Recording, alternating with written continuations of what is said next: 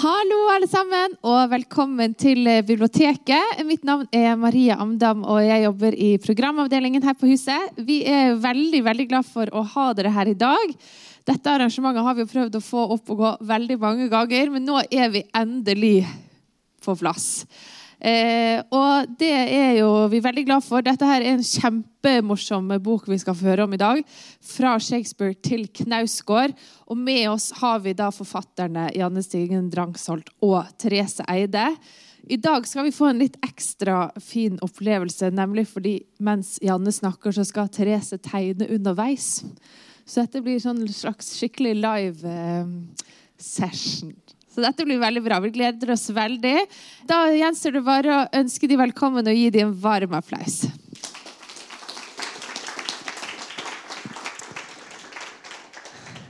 Hei, veldig veldig stas å være her i dag. Det er jo jeg, eh, I går så reiste jeg hjemmefra, så da var det liksom både det å gå ut av hjemmet og reise til en annen by. I dag har jeg vært på seminar, og nå er vi her, og det er bare helt fantastisk. Eh, så ja, vi tar det ikke ille opp om noen går ut underveis for å gå i baren. Det vil jeg bare si med en gang. Det, vi må feire livet. Eh, så ja, Therese og meg har jo skrevet denne boka. Eh, fra Shakespeare til Knausgård. 66 klassikere du naturligvis har lest. Eh, og det er jo først og fremst ei bok som når vi skrev den, så tenkte vi jo at det kunne være en nyttig bok å ha i selskapslivet. Eh, fordi det er eh, en bok som hjelper deg til å lyge om at du kjenner klassisk litteratur. Eh, og det, den er veldig For de som ikke har den, jeg regner med alle har den ikke koster 299 kroner, så den er kjempebillig. Men eh, for de som ikke har den, så er det eh, delt opp sånn at vi har eh, ei framside med alle eh, viktige sånn faktainformasjon. Eh, utgivelsesår, originaltittel, og så har vi oppsummert boken i en hendig setning. Og så eh, har vi eh, forskjellige avsnitt hvor vi svarer på hvorfor dette er en klassiker, hvordan du imponerer, hvem du imponerer. Og da for de som virkelig kjenner at nå dette nailer jeg, dette er jeg klar til å gå videre på neste stadium av, så har vi òg et sitat som det går an å lære utenat. Eh, og det som, er, det som vi ikke forutså, det var jo at covid eh, ville komme. Eh, og som, eh, derfor er denne boka egentlig enda bedre nå enn den var før. fordi at det, Når dere kommer tilbake i selskapslivet nå, så er det jo ingen som har noe å snakke om. Eh, fordi det har jo ikke skjedd noe med noen på aldri så lang tid. Og det som òg er fint, det er at det, fordi at eh, eh, I begynnelsen av covid så var han jo kanskje litt sånn grip dagen. og nå skal jeg liksom virkelig lære å surfe, eller jeg skal liksom bli med i Turistforeningen, eller jeg skal lese klassikerne. Og så det som skjedde var jo at En gjorde jo ingenting av det. En leste, så jo bare på Netflix liksom gjennom hele året. Så Derfor så er det ingen som har lest klassikerne, men alle kan lese denne. Eh, så, eh, og det som vi har tenkt å gjøre i dag, da, det er at vi har tenkt å begynne altså eh, kontekstualisere eh, disse bøkene. Sånn at eh, vi begynner på begynnelsen. Eh, eh, I verdens litteraturhistorie, år null. Og så tar vi eh, og lager eh, ei linje fram til i dag. og så nevner vi noen spesifikke eksempler innimellom, sånn at alle vet liksom at når de skal brife med Dante Eh, så vet dere at Dante skrev eh, sine tekster i middelalderen. Så det er, dette er en slags sånn crash course i å komme tilbake til livet etter covid. eh, så hvis vi begynner da eh, med år null Eh, så er jo ikke det eh, fysisk år null, for da snakker vi jo om eh, enda lenger tilbake. Eh, og det er jo, eh, for det er jo sånn at eh, Salman Rushdie i en sånn en TED-talk sier at først var det sånn at folk når, folk altså, når, menneskene begynner å eksistere, så prøver de først å skaffe seg mat. så skaffer de seg husly, og så til slutt så begynner de å fortelle hverandre fortellinger. Men en del eh, litteraturhistorikere eh, mener at egentlig så begynte ikke litteratur med å fortelle hverandre ting i det hele tatt. Egentlig begynte det som ritualet. Fordi at det, det er jo sånn at det, en, en, lager jo på en måte fortellinger uten altså Det er ikke alltid fortellinger er fortellinger. Så det er mange som mener at f.eks. tragedien, da, som er en av de to opprinnelige litterære formene. Da har vi jo tragedien og så har vi komedien. Og så er det mange som mener at tragedien den begynte med at folk dytta hverandre ned i vulkaner. Fordi at en eh, er jo et samfunn, og så ser en at eh, avlingen eh, vokser ikke, folk sulter, og så tenker en det er nødt til å være noen sin feil. Det er sikkert Sigurd der borte. Han har gjort noe som har gjort gudene forbanna. Og så tar de og dytter Sigurd ned i vulkanen. Og så dør Sigurd, og så begynner alt å vokse igjen. Så er alle kjempefornøyd. Men, men så er det jo sånn at det, de menneskelige samfunnene de utvikler seg jo. sånn at etter hvert så tenker en kanskje vi ikke skal drepe Sigurd. Kanskje vi heller skal lage en fortelling som på en måte kan ivareta det ritualet. og eh, på en måte fungerer som et slags ritual i seg sjøl uten at vi dreper noen. Og det er da tragedien kommer til. Og En av de tidligste tragediene som vi har da, Nå eksisterte jo disse selvfølgelig som muntlige fortellinger veldig lenge, men etter hvert som de ble skriftlige fortellinger, så er den aller første, eller en av de aller første tragediene er kong Ødipus av Sofokles. Eh, og Den kom eh, sånn ca. i år 429 før Kristus, og den kan oppsummeres på denne måten. Fadermord, incest og selvskading. Fordi det som skjer her, det er jo at eh, kong Laios han får beskjed av et orakel at sønnen hans kommer til å ta livet av ham. Og så tenker han ok, da dreper jeg sønnen min først, så skjer ikke det. Så sender han sønnen ut i ødemarken med en slags gjeteraktig type. Og så dreper jo han selvfølgelig ikke sønnen. Sånn at alt det som orakelet sa kom til å skje, det skjer. Han, eh, Ødipus dreper faren sin, og så gifter han seg med mora si. Avlingene svikter. Ødipus er sånn OK, vi må finne ut hvem som har skyld i dette. Finne ut at det er seg sjøl skjære ut øynene sine og vandre ut i eksil i ødemarken. Så det som skjer da, sant, det er jo det at Ødipus gjør seg sjøl til syndebukk. Så han går ut i ødemarken, sender seg sjøl ut i eksil, og så blir orden gjenoppretta i samfunnet, og alle kan leve videre sånn som de gjorde før. Så det som vi ser der, det er jo både menneskelig framskritt, fordi en har slutta å drepe Sigurd slash Ødipus. Eh, og eh, at eh, litteraturen har en helt sånn utrolig viktig rolle i, for det menneskelige samfunnet. For det er litteraturen som forklarer hvorfor ting skjer.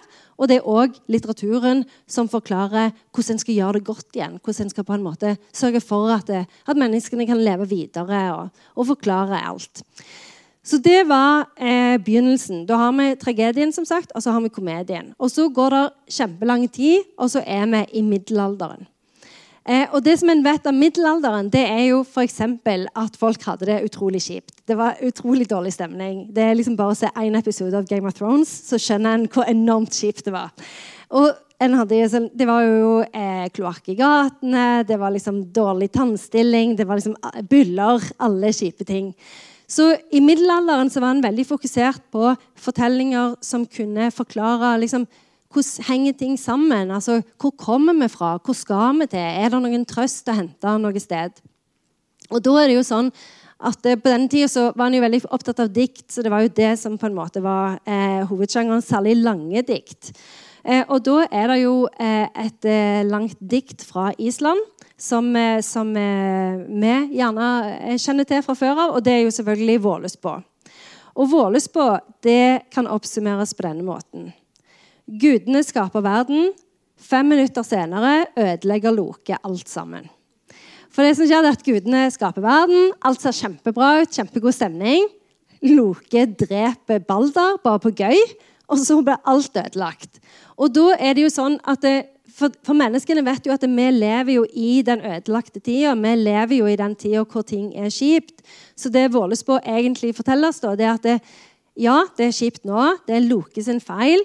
Men om noen tusen år da kommer alt til å bli bra. så det blir et slags sånn utvida framtidshåp. Sånn at det kommer ikke til å bli bra så lenge du lever, men om lange lange tider så kommer alt til å bli bra igjen. Så det er jo en slags sånn optimisme da, eh, som ligger i den teksten. En annen tekst fra denne perioden som er veldig eh, viktig dette, når det gjelder dette med å gi folk håp, det er jo selvfølgelig eh, Dante sin 'Den guddommelige komedie'. Og Den kom jo ut i 1321, og den kan oppsummeres på denne måten. midtlivskrise i helvete. For det som skjer med Dante, det er jo at han er jo sånn ca. 40. og så er han sånn Å, jeg er i livets skog. Jeg vet ikke hva jeg skal gjøre. Eh, liksom, jeg finner ikke veien tilbake. Men så treffer han jo selvfølgelig yndlingspoeten sin Vergil, og så følger han han gjennom eh, helvete og gjennom skjærsilden og så opp til himmelen. Og så skjønner jo Dante eh, hva han skal gjøre for å få det bra sannsynligvis, altså Hvis det hadde vært i, i nå, så hadde det jo innebært kanskje å lære seg surfing eller kjøpe motorsykkel. eller noe sånt, Men hos Dante så blir det jo mer det å finne Gud. For det var han jo veldig opptatt av i denne tida. At, det, at en, altså, eh, religionen var jo eh, en, en, kilde til håp. da. Sånn at en tenkte at det, hvis du bare gjør sånn som Gud sier så kommer du ikke til å få det bra nå. For det, vi ser jo rundt oss, vi skjønner jo at dette kommer ikke til å gå bra.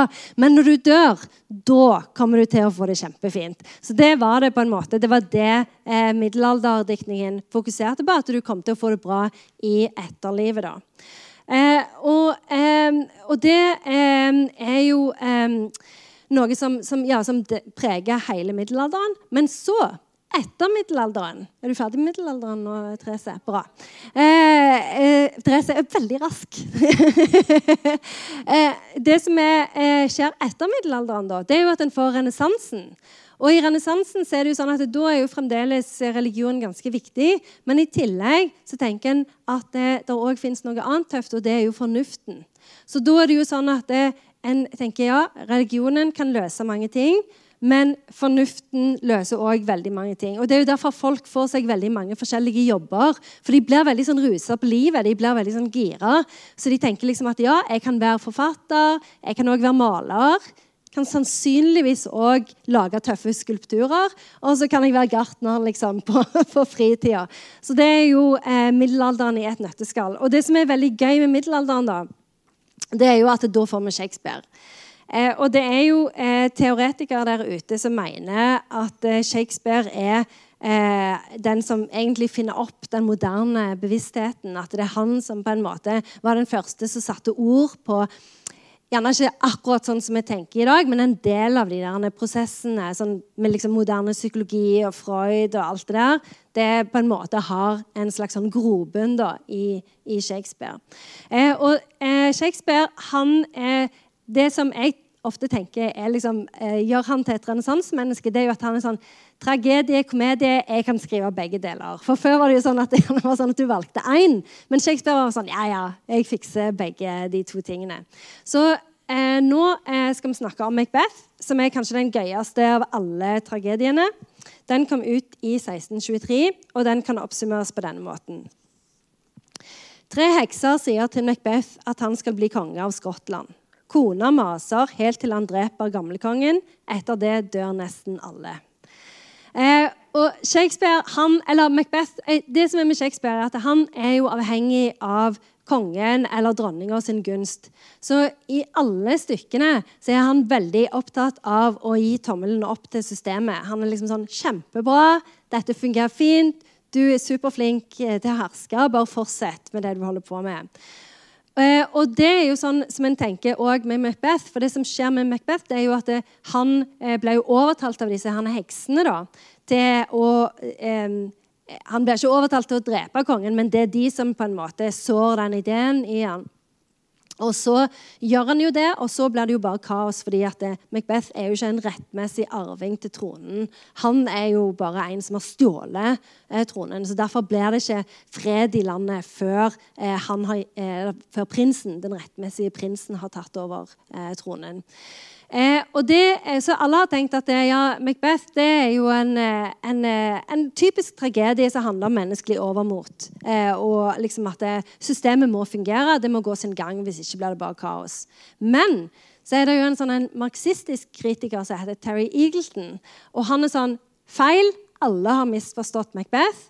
De som er heltene i Macbeth, det er ikke de tre vise menn, men de tre heksene. For at de sier Terry Eagleton, er de eneste som står utenfor systemet. For det, Hvis en leser Macbeth, så ser en jo at det, det er jo ikke sånn at det, når prinsen overtar, så blir det fred. For det, det systemet er bygga på krig. Så det, det blir krig hele tida. Du vet at det, det, blir krig før Macbeth er, er, konge, og det kommer til å bli krig igjen. Så det systemet er, fungerer egentlig ikke noe spesielt bra. Og de eneste som står utenfor den samfunnsordenen, det er de tre heksene. Så, eh, så, det er en slags sånn hemmelig beskjed da, fra Shakespeare eh, som sier at systemet må egentlig ødelegges eh, hvis vi skal ha det bra og være lykkelige. Men det var det ingen som skjønte, så derfor så kan vi hoppe videre til opplysningstida. Og i opplysningstida da er det jo sånn at en er enda mer gira på fornuften. For da er det liksom sånn eh, eh Religion er fremdeles akseptabelt. Eh, eh, men, men, fornuften er liksom det aller beste. Og da får en i hvert fall en sånn en utrolig sånn drivkraft å tenke at ja, men vi kan jo lage kategorier av alle ting. Eh, vi kan løse alle problemer. Vi kan eh, finne ut av det som er. Og så er det jo òg enormt viktig at en eh, får makt til folket. Så en får liksom ideer om, om demokrati, om ytringsfrihet. Eh, og Vanligvis så pleier eh, meg og Therese å anbefale eh, Hamilton, at alle bare ser Hamilton for å forstå opplysningstida. For det er jo, der har han jo på en måte alle de idealene, pluss det er jo en god del synging, som jo alltid er gøy. Så, så hvis en har Disney pluss, er det jo veldig lurt å se Hamilton uansett. Men i dag så tenkte vi at vi skulle gå gjennom Erasmus Montanus, som jo er, er, er som seg hør og bør når en er i Bergen. Eh, selv om noen mener han er fra Danmark, da. Men eh, det, det, blir flisespikkeri. Eh, men i hvert fall, Erasmus Montanus den kom jo ut i 1731, eh, og den kan oppsummeres på denne måten. Folk fra bygda hater folk fra byen, men ikke så mye som de hater folk fra bygda som flytter til byen for så å gå på universitet. Eh, og det er jo det som skjer i Erasmus Montanus. Eh, og det som er spennende med det stykket, det er jo at det, der er jo en sånn altså det er jo på en måte eh, en, en, slags sånn, eh, veldig sånn sterk tro og, eh, og, kjærlighet til kunnskap. Og en ser jo det at Erasmus Montanus, eller Rasmus Berg, som han jo egentlig heter eh, før han får seg et sånn fancy bynavn, det er jo at eh, han er jo han han klarer jo ikke å avlære seg det han har lært. Og vi vet jo, når vi leser det, så vet vi jo at han har jo rett. Jorda er jo rund. Altså Det han har lært, det stemmer jo. Eh, så det er jo litt sånn, det er jo litt sårt at uh, disse her bygdefolka tør å banke, banke han, sånn at han ikke tør å si det han har lært. Men det, jo, eh, det handler jo både om at kunnskap er bra, men så handler det jo òg om å forvalte kunnskap. da, Og bruke den eh, til det gode. Eh, for dermed å få et bra samfunn hvor alle har det fint. Så igjen så ser vi jo at eh, litteraturen er så utrolig sånn tett knyttet opp mot det med å ha det godt og forklare hvordan folk skal ha det godt, og, og hva en kan gjøre da, for, å, for, å, ha det fint sammen. Eh, og så kommer en jo til romantikken. Og Romantikken det er jo en periode hvor særlig poeter blir utrolig høye på seg sjøl. For da blir de sånn Å ja, eh, dere vanlige folk. Jeg må le litt når jeg ser på dere. Fordi det er jo vi poeter som har kontakten med verdens alte. Så vi kan liksom forklare dere hvordan ting fungerer. Eh, og eh, Shelley, Det er jo liksom Shelley, det er Wordsworth, det er Byron, Keats. Eh, og særlig Shelley var jo veldig sånn Poets are the legislators of the world. Så han var jo sånn, det er egentlig poetene som bør lage reglene. Med, um, vi vet hva som skjer. Eh, men det som er, og, og, vi kunne fint tatt for oss eh, et dikt fra denne perioden. For det er jo diktene som kanskje er de aller mest kjente litterære verkene, verkene fremdeles. Men det som er veldig gøy med denne perioden, det er jo at en begynner å se framveksten av romanen. Eh, og den aller viktigste romanen fra romantikken den er jo selvfølgelig skrevet av ei dame. Eh, og nå snakker vi jo om eh, 'Frankenstein' av Mary Shelley. Og jeg, jeg tenker alltid at det, eh, Mary Shelley skrev litt 'Frankenstein' fordi hun var litt lei av at Percy Shelley hele tida maste om at uh, 'poets are the legislators of the world', at hun ville sette han litt på plass. Eh, men i hvert fall så kom 'Frankenstein' ut i 1818. Og den kan oppsummeres på denne måten. Mann skaper liv, men synes raskt opplegget blir litt stress. For det som skjer da, det er jo at det, dette her er jo eh, Mange som mener at dette er den første science fiction-romanen. fordi at det, det, er jo en roman som kan bruke teknologien. Mary Shelley er jo veldig opptatt av elektrisitet og beskriver det. Eh, og eh, Frankenstein bruker jo òg en slags eh, teknologi når han skaper monstre. da. Selv om den teknologien er jo mye å hente døde lik og få lynet til å slå ned i dem. Så det er jo ikke sånn kjempeava. Men det er i hvert fall en slags teknologi. Eh, og det som eh, mange mener, da, det er jo at det, eh, denne romanen er eh, en roman som egentlig handler om eh, hvordan du skal lage gode borgere. Fordi at alle dømmer jo eh, Frankenstein fordi at, Nei, The Creature. Alle dømmer jo The Creature eller monsteret fordi at han ser jo litt rar ut. Men det er jo ikke hans feil at han er lagd av døde kropper. Det er jo ikke han som har bedt om å se sånn ut. Og inni seg så er han jo en fin sjel som egentlig har lyst til å lære masse om samfunnet og ha noen å være glad i. Eh, men, men, Frankenstein han ville jo ikke erkjenne det, for han kaster jo bare et blikk på eh, monsteret, og så flykter han jo bare. Så, så, mange mener jo at det, det denne boka egentlig handler om, det er at eh, en skal behandle arbeiderklassen, kvinner, andre mennesker som ikke er en del av liksom, den øvre middelklassen, eh, bra. Eh, og da kan vi lage gode borgere, og da kan vi ha det godt sammen. Eh, så eh, det er Det er eh, hovedbudskapet i Frankenstein. Og så, etter altså for det, Nå har vi jo nevnt dette med middelklassen og framveksten av borgerskapet. Og det gjør jo at romanen blir en mer og mer populær form etter hvert som 1800-tallet skrider fram. Eh, unntaket er Finland. De eh, gir ut Kalevala i denne perioden, som jo er et langt episk dikt. Men grunnen til det er jo at de prøver jo å få selvstendighet. De prøver jo å bli et eget land. Så det, de hadde sine egne spesielle grunner for å gi ut dikt. Alle de andre fokuserte på eh, romaner. Eh, og grunnen til det er jo at Middelklassen er jo ikke sånn kjempeinteressert i å lese om helter eller hvordan verden ble skapt, eller eh, hvordan du kommer deg gjennom helvete. Eh, fordi det middelklassen hadde lyst til å lese om, det var jo seg sjøl. Eh, og de som var aller mest glade i romaner i denne perioden, det var jo kvinner. Og Derfor så var eh, romanen i denne litt tidlige perioden ganske uglesett. fordi at eh, alle visste jo at kvinner var ganske dumme fra før.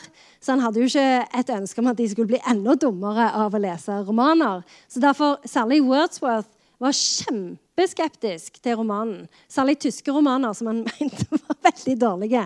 Eh, men, men, alle, mange var veldig skeptiske til romanen. Og, og det som skjedde var at det kom jo Pga. at trykkpressen liksom ble stadig raskere, så fikk en stadig flere romaner. Men det som skjedde da, det var jo òg at en del veldig flinke forfattere tenkte at ok, men hvis kvinner skal lese disse romanene, så bør vi i hvert fall prøve å gjøre dem litt bra.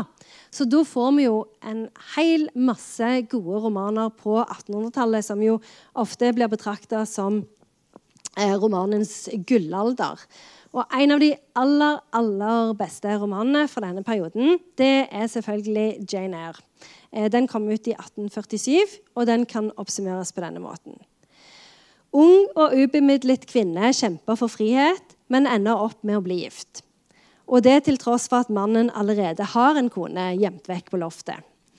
Eh, og det som er med, for dette, en, eh, Den 1800-tallet, eller den viktorianske perioden, som en kaller når en snakker om engelsk litteratur, det er jo at det er jo eh, et barn av opplysningstid. og Da er en jo fremdeles veldig gira på demokrati og ytringsfrihet og alle de tingene der. Eh, og så innser en jo at det er jo en del folk i Eller en del borgere da, som ikke har de samme rettighetene som andre. Og eh, noen av disse er kvinner. Eller alle av disse er kvinner, men noen av disse, disse, i befolkningen er kvinner. Så Derfor så er det jo sånn at det, det som eh, på engelsk kaller The Woman Question, begynner å vokse fram som, jo, fram. som jo er en kampanje som går på å få juridiske rettigheter for kvinner. da. Eh, og, eh, men her er det mange krefter som kjemper imot. Eh, og en del av de kreftene er jo de som i alle år har fått lov til å definere hva bøker handler om. Fordi at eh, jeg skulle gå og låne eh, Jane Eyre som lydbok til mitt barn eh, på Sandnes bibliotek for noen uker siden. Og da så jeg bakpå at det sto Eh, Jane eh, er ung og ubemidlet. Eh, hun begynner å jobbe som guvernante og blir hodestups forelsket i den kjekke Rochester. Og dette er jo kanskje den aller største løgnen som har blitt fortalt til kvinner gjennom alle tider, og menn. Fordi at Jane Eyre handler jo ikke om at Jane skal bli gift med Rochester. Jo, det er jo en dannelsesroman. Det handler jo om at Jane skal finne ut hvem hun er, hva hun er i stand til, og hva hun egentlig vil gjøre med livet sitt. Og det å forkle det som en kjærlighetsroman det er så utrolig dårlig gjort. Eh, og Grunnen til at Jane ble gift på slutten, det er jo fordi at hvis du skulle få lov til å gi ut en roman, og hvis du skulle selge noe av den romanen, så hadde du jo, og hadde en kvinnelig hovedperson, så hadde du jo to alternativ. og Det var enten å drepe dem på slutten, eller å la dem gifte seg med noen. Og Charlotte Bronte hadde jo sikkert ikke lyst å drepe Jane, så da måtte hun jo la henne gifte seg med Rochester. Så Det som eh, Charlotte Bronte gjør da på slutten, det er at hun eh, gjør jo sånn at Rochester blir blind. Sånn at eh, han At òg skal få slite litt. Eh, og litt sånn, Han har litt sånn arr og litt sånne ting òg. Eh, men, eh, men, likevel så er det jo sånn at den romanen har blitt misforstått i alle de år. Og det samme gjelder jo 'Withering Heights' som er, har blitt solgt som en kjærlighetsroman i alle år, men som egentlig handler om mishandling og eh, generelt dårlig stemning på, på bygda. Så, så dette, dette, her er noe som noen er nødt til å ta tak i ganske snart. Så, men det som skjer da, det er at eh, romanen går kjempebra på 1800-tallet. Men så er jo dette også en periode som sagt, hvor en har veldig sånn tro på fornuften, og hvor en kjemper fram rettigheter for arbeidere, og for kvinner og for barn. Eh, og hvor en tenker at eh, vi har imperiet, vi har masse eh, teknologiske oppfinnelser. Eh, dette går bare én vei. Altså Utviklingen går i en oppadgående kurve. Vi har jo Darwin også, som sier det, at det er liksom bare å ta skritt for skritt for skritt, så blir verden stadig bedre. Men så kommer jo første verdenskrig. Og da skjønner en på en måte altså det, Første verdenskrig lager bare et, sånn et gigantisk krater i alle forventninger om at ting skal gå bra. Eh, det blir kjempedårlig stemning. Og en del av den stemningen den sprer seg òg blant forfattere. Fordi at en begynner å tenke sånn eh, Sa egentlig eh, 1800-tallsforfatterne noe sant om hva det vil si å være menneske?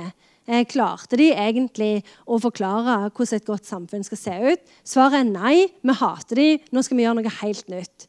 Og, og det som er veldig gøy eh, med denne perioden, som jo heter modernismen, eh, det er at de òg er veldig inspirert av noe som begynte på 1800-tallet, og det er jo menneskets psykologi. Fordi det, det, var jo noe som Fra rundt sånn 1850 så ble en veldig fascinert av menneskets psykologi. Og en begynte å tenke at ja, ja, vi er jo fornuftige, men er det ikke noe annet som ligger der òg? Er det ikke noe som på en måte kjemper imot denne fornuften? Eh, og det ser en jo særlig på slutten av 1800-tallet, hvor en både får en god del eh, romaner som tar for seg denne her, eh, indre dualiteten hos menneskene, f.eks. Jacqueline Hyde, hvor du har en hovedperson som både er en respektert lege med vakre, veldig vakre hender. Det er liksom enormt mye mas om hendene hans eh, på den ene sida. Og så drikker han jo et, sånn kjemisk brygg, og så blir han Mr. Hyde på fritida. Sånn at han kan gå og eh, ligge med prostituerte og være en skikkelig kjip fyr. Eh, og Det er jo en roman som handler om hvordan et menneske eh, både kan være eh, bra på utsida og være ond og stygg og ekkel inni seg. Eh, og Det ser vi òg i andre romaner fra dette tiåret, f.eks. Dracula hvor utlendinger kommer for å korrumpere kvinner. Og Det er jo en roman som handler eh, delvis om hva som skjer med kvinner hvis en gir dem for mye rettigheter. Da blir de vampyrer. eh, og så I dette tiåret så, så, har han jo òg Freud. For det er jo da Freud kommer ut med sine første tekster. Og Freud sier jo at eh, det som er forklaringen på dette, det er at mennesket er delt i to. Vi har en bevissthet på den ene sida, og så har vi en underbevissthet på den andre sida. Og bevisstheten den klarer vi i stor grad å kontrollere. Den kan vi bruke til å ordne ting og, og gjøre ting bedre og kommunisere. Men eh, underbevisstheten den er det gjerne ikke språk for. Den kommer først og fremst fram når vi drømmer, og den har vi egentlig ikke kontroll over. Og det var jo noe som folk i eller forfattere da, i modernismen syntes var veldig gøy. Og de var sånn, For å forstå eh, virkeligheten, for å si noe om virkeligheten, så må vi gå inn i menneskesinnet. Vi må gå og se på hvordan er det mennesker tenker. Eh, hvordan kan en, kan en, beskrive følelser gjennom språk? Eh, hvordan er det eh, folk egentlig interagerer med virkeligheten? Eh, for I 1800-tallsromaner er det jo veldig sånn logisk. Det er jo veldig sånn at Du resonnerer, så finner du fram til et svar, og så gjør du det.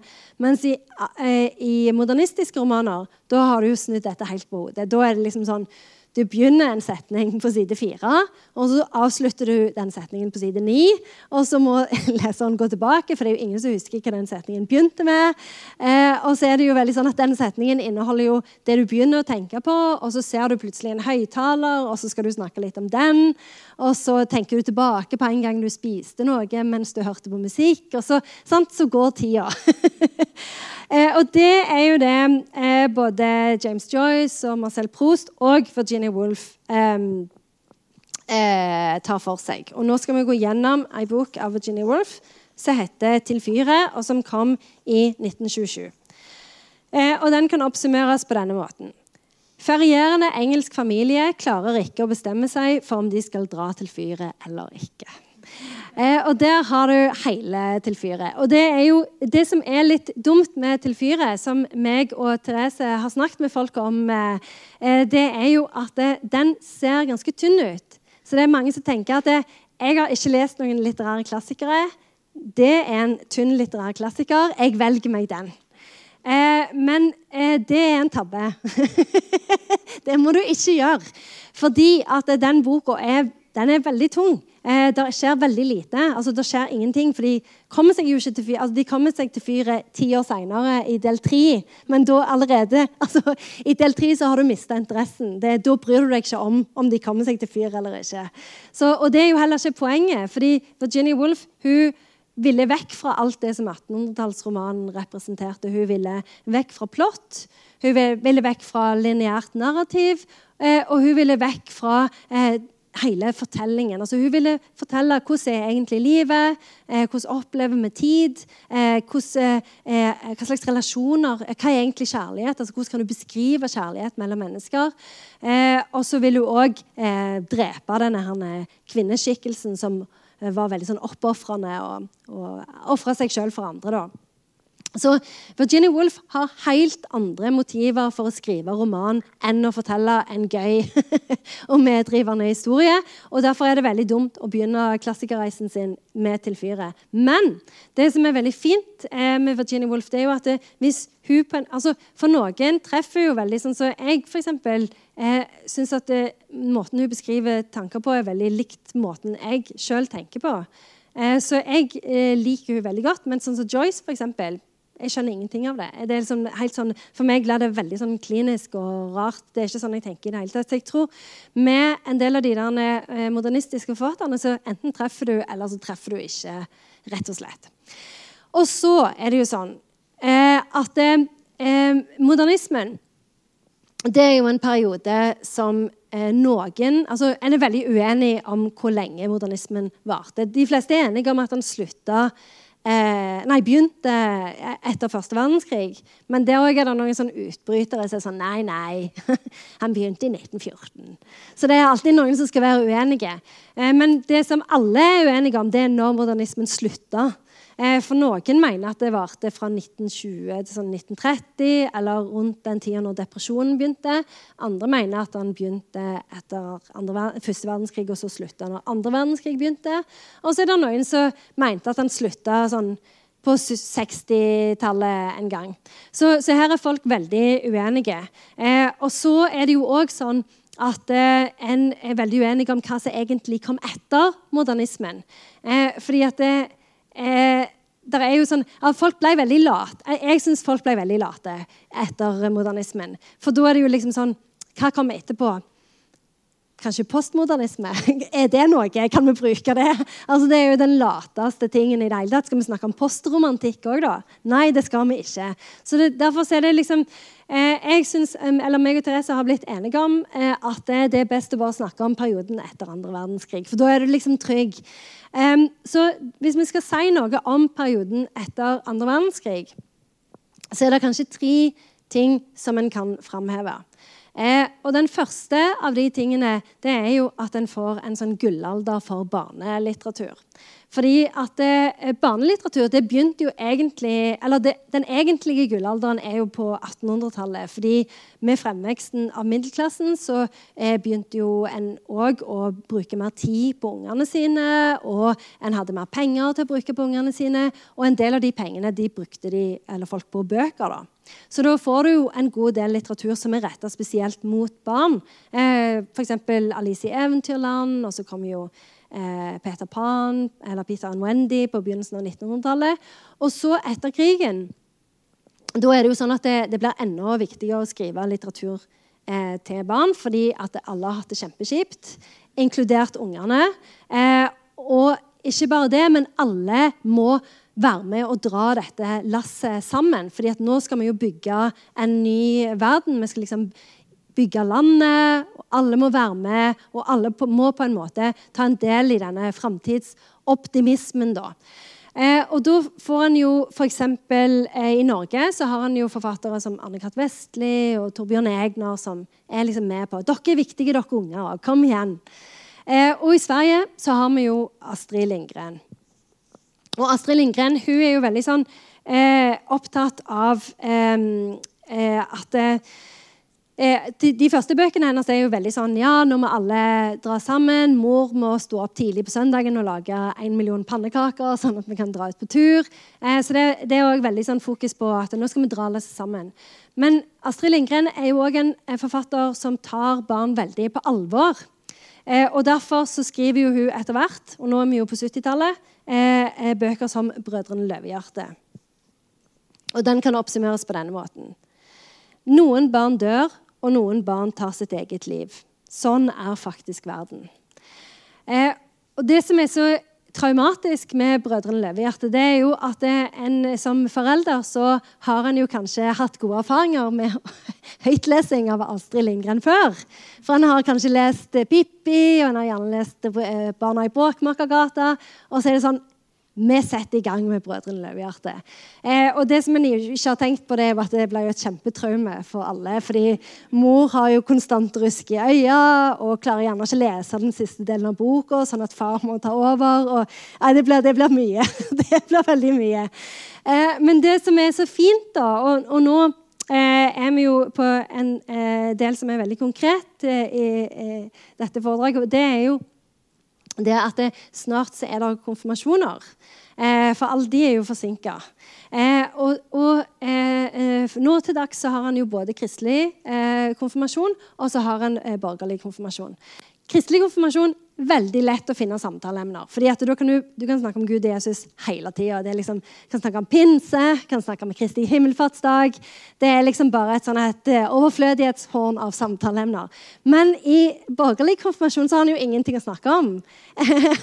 For han har jo ikke noe håp om et etterliv engang. Så da er det veldig fint å dra fram Brødrene Løvehjerte. Fordi at det som, Til tross for alt det som er kjipt med den, så er det jo en sånn en grunnleggende optimisme og positivitet i den boka. Fordi det som han forteller deg, er jo at det å være modig er ikke å ikke være redd. Det å være modig er å være kjemperedd, men likevel kjempe mot drager. Og Det er jo det som livet er.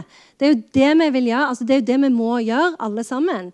Så Brødrene Løvehjerte har en sånn en vidunderlig sånn stå-på-mentalitet. og liksom at ja, Det er greit å være redd, det er greit å føle seg svak, men vi må klare dette for å være mennesker, og vi må ta vare på hverandre.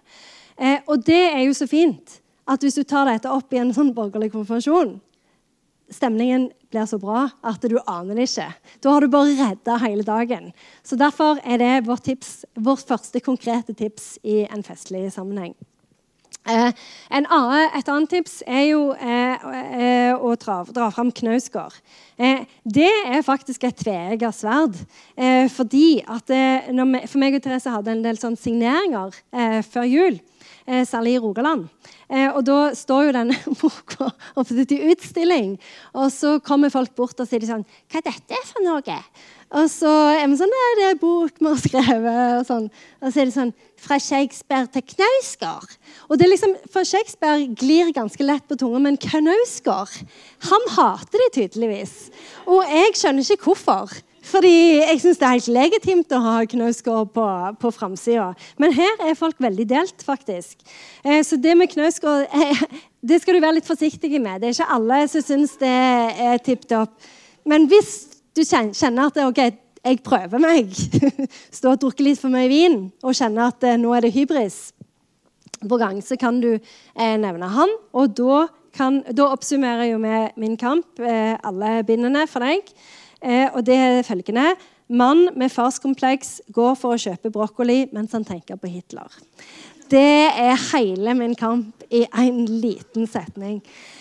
Og det som er med Knausgård, er at det, alle har jo på en måte altså Alle er jo veldig sånn 'Å ja, virkelighetslitteratur. Han skriver om sitt eget liv.'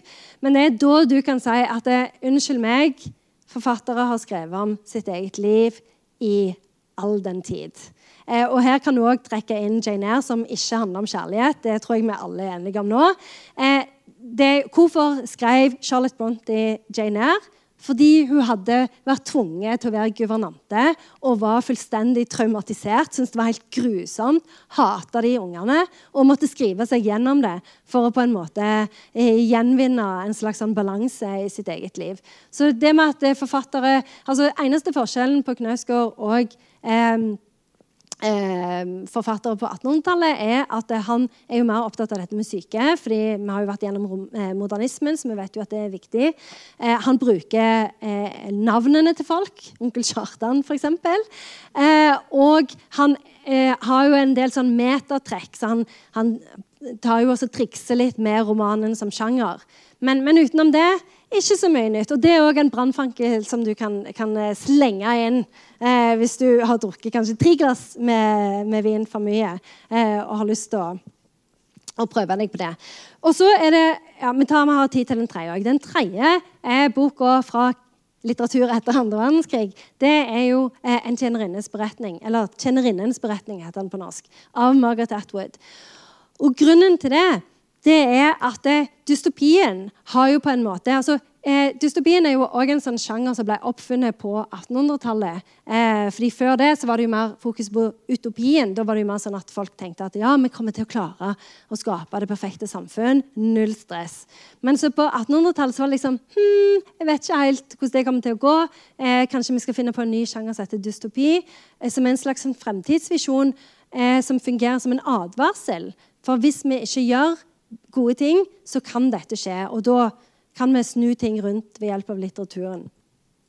Eh, og det som er eh, med eh, tida i dag, det er jo at mange mener at det, vi har tatt igjen dystopien på mange måter. sånn at det, Dystopien er ikke lenger en framtidsvisjon. Det er mer en sånn en visjon av her og nå. da. Eh, og der er det jo eh, Margaret Atwood kommer inn. For hun skrev jo eh, denne boka i 1985. Eh, og hun har jo skrevet mange andre bøker senere som har vist seg å ha veldig mye sannhet i seg. Så hun er jo en slags sånn profet da, eh, for vår egen tid. som har vært veldig viktig. Altså, hun er en av de første som skrev dystopier. da. Så eh, 'Tjenerinnens beretning', som en jo også kan se på TV, det er jo juksa litt. Pluss at det er eh, Jeg hadde f.eks. en student som hadde bare eh, som jeg veileder, som bare hadde sett TV-serien, og det gikk ikke spesielt bra. Så en må gjøre begge deler. Eh, men oppsummere, da. Eh, patriarkatet hater kvinner, men liker barn og fargeglade klær. Eh, og det som er med, med eh, tjenerinnens beretning, det er at det, når den kom ut i 1985, eh, da virka jo det som liksom helt usannsynlig. og eh, eh, Gøy å lese, men ikke så veldig viktig utover det. Og så plutselig, i 2016, så blir Trump valgt til president, og vips, så blir den mer aktuell enn en noensinne. Så litteratur et vidunderlig sted å være.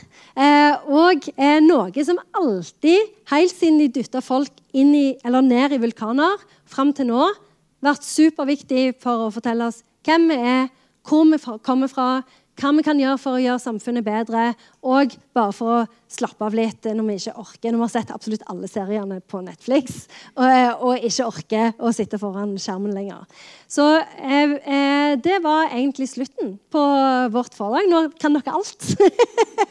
og jeg bare Utrolig god stemning i dette rommet. Jeg bare må si tusen takk for at dere kom. og det var så kjekt at det skjedde i dag, at det ikke skjedde når vi fremdeles var litt sånn midt i lockdown. Nå er det jo litt, eh, litt sånn håp i, i, sikte. Så tusen takk for oss. Tusen takk på vegne av Therese. Hun har ikke mikrofon, så hun kan ikke si noen ting. Eh, og ja, vel hjem.